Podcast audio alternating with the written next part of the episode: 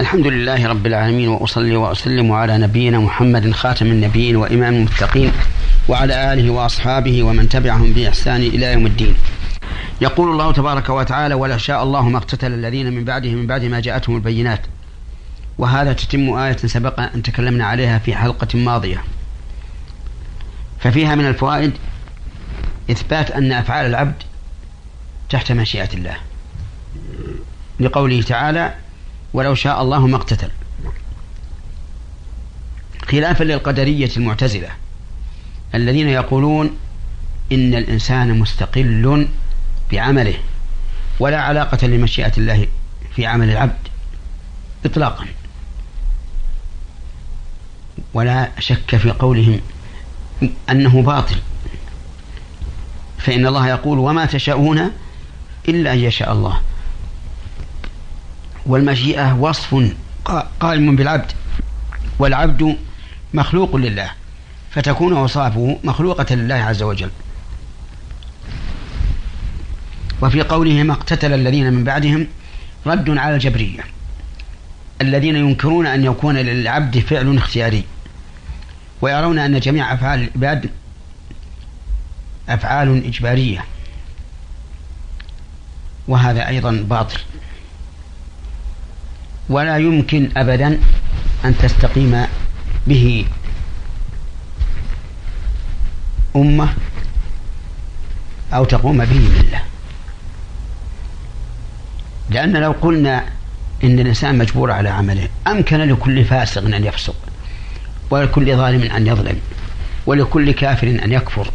ويقول هذا ليس مني هذا وقع مني إجبارا.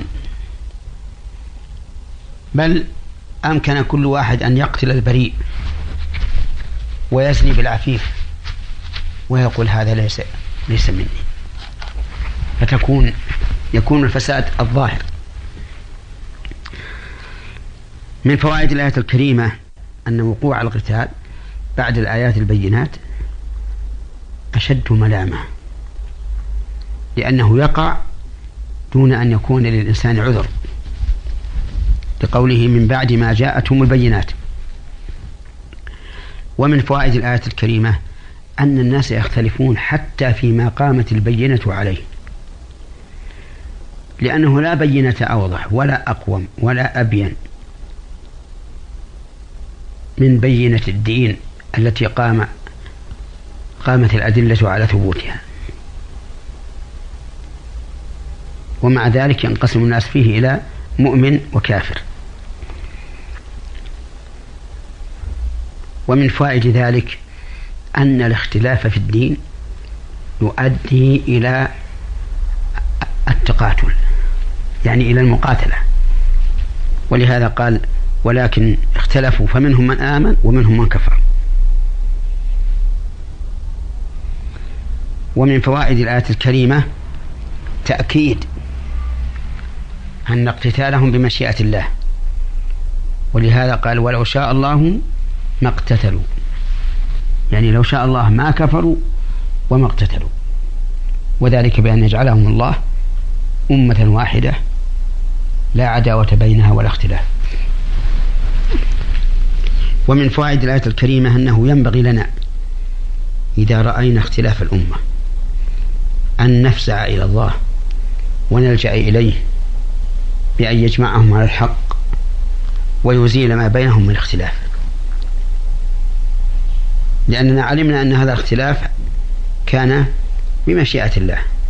وما كان بمشيئة الله فلن يرفعه إلا مشيئة الله عز وجل. ومن فوائد الآية الكريمة أن أفعال العبد من أفعال الله عز وجل. يعني أن أن فعل العبد خلق لله عز وجل. خلق لله لأن الإنسان إنما يفعل ما يفعل بأمرين القدرة والإرادة. فمن قدر ولم يريد لم يقع منه شيء ومن أراد ولم يقدر لم يقع منه شيء. وإذا سألنا سائل القدرة والإرادة من خلقها في العبد؟ فالجواب أن الذي خلقه هو الله. وعلى هذا فيكون فعله مخلوقا لله عز وجل. مفعولا له. لأن خالق السبب التام خالق للمسبب. لكنه ليس هو فعل الله الذي هو فعله المباشر. فالإنسان إذا صام لا نقول إن الصائم هو الله. وإذا أكل لا نقول آكل هو الله وإذا أنفق لا نقول المنفق هو الله. لكن نقول هذا الصوم وهذا الأكل وهذا الإنفاق حصل بإرادة العبد وقدرته وخالق إرادته وقدرته هو الله عز وجل. ولو شاء الله ما فعل. ولذلك تجد الإنسان أحيانا يعزم على الشيء ويتهيأ له تهيئا كاملا وإذا به يصرف عنه إما باختيار شيء آخر وإما بعدم الاختيار وإما أن يصرف عنه قهرا عليه لأن الله لم يشاء. ومن فوائد الآية الكريمة إثبات الإرادة لله عز وجل لقوله ولكن الله يفعل ما يريد. والإرادة هنا بمعنى المشيئة. وإرادة الله تعالى تنقسم إلى قسمين. إرادة بمعنى المشيئة وإرادة بمعنى المحبة. فإن كان المراد محبوبا لله فهو إرادة محبة. وإن كان غير محبوب إلى الله فهو إرادة مشيئة. مثال الإرادة مثال إرادة المحبة. قوله تبارك وتعالى والله يريد أن يتوب عليكم. هذه إرادة محبة لكن قد تقع وقد لا تقع.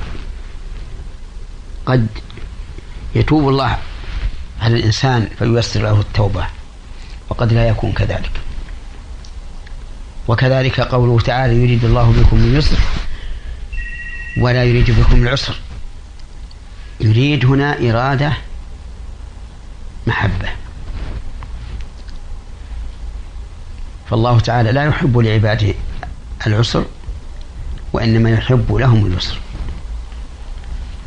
وتسمى الإرادة التي بمعنى المحبة إرادة شرعية والإرادة التي بمعنى المشيئة إرادة كونية.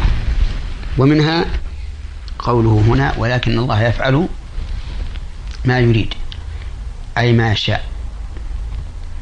ويدل على أن الإرادة هنا بمعنى المشيئة قول الله تبارك وتعالى ويضل الله الظالمين ويفعل الله ما يشاء.